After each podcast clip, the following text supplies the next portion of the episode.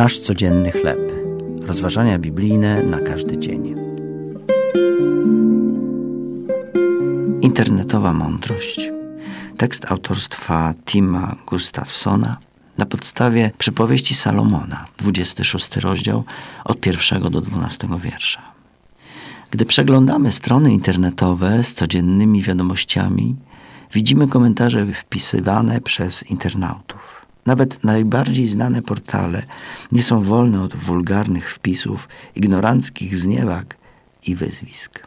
Księga Przypowieści Salomona została spisana około 3000 lat temu. Jej ponadczasowa mądrość jest jednak tak aktualna, jak współczesne wiadomości. W rozdziale 26 znajdują się dwa fragmenty, które wprawdzie na pierwszy rzut oka wzajemnie się wykluczają, ale doskonale pasują do społecznych mediów. Nie odpowiadaj głupiemu według jego głupoty, abyś i ty nie upodobnił się do niego. Oraz odpowiedz głupiemu według jego głupoty, abyś się nie uważał za mądrego. Obydwa twierdzenia równoważą się dzięki wyrażeniu według jego.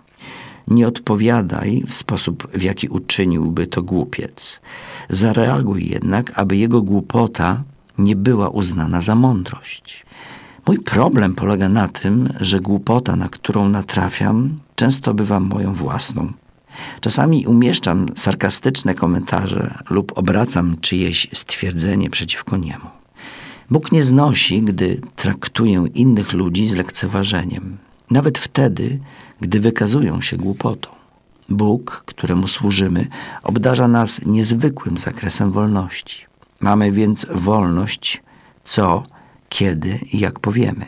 Mamy również wolność, by prosić Go o mądrość. To były rozważania biblijne na każdy dzień.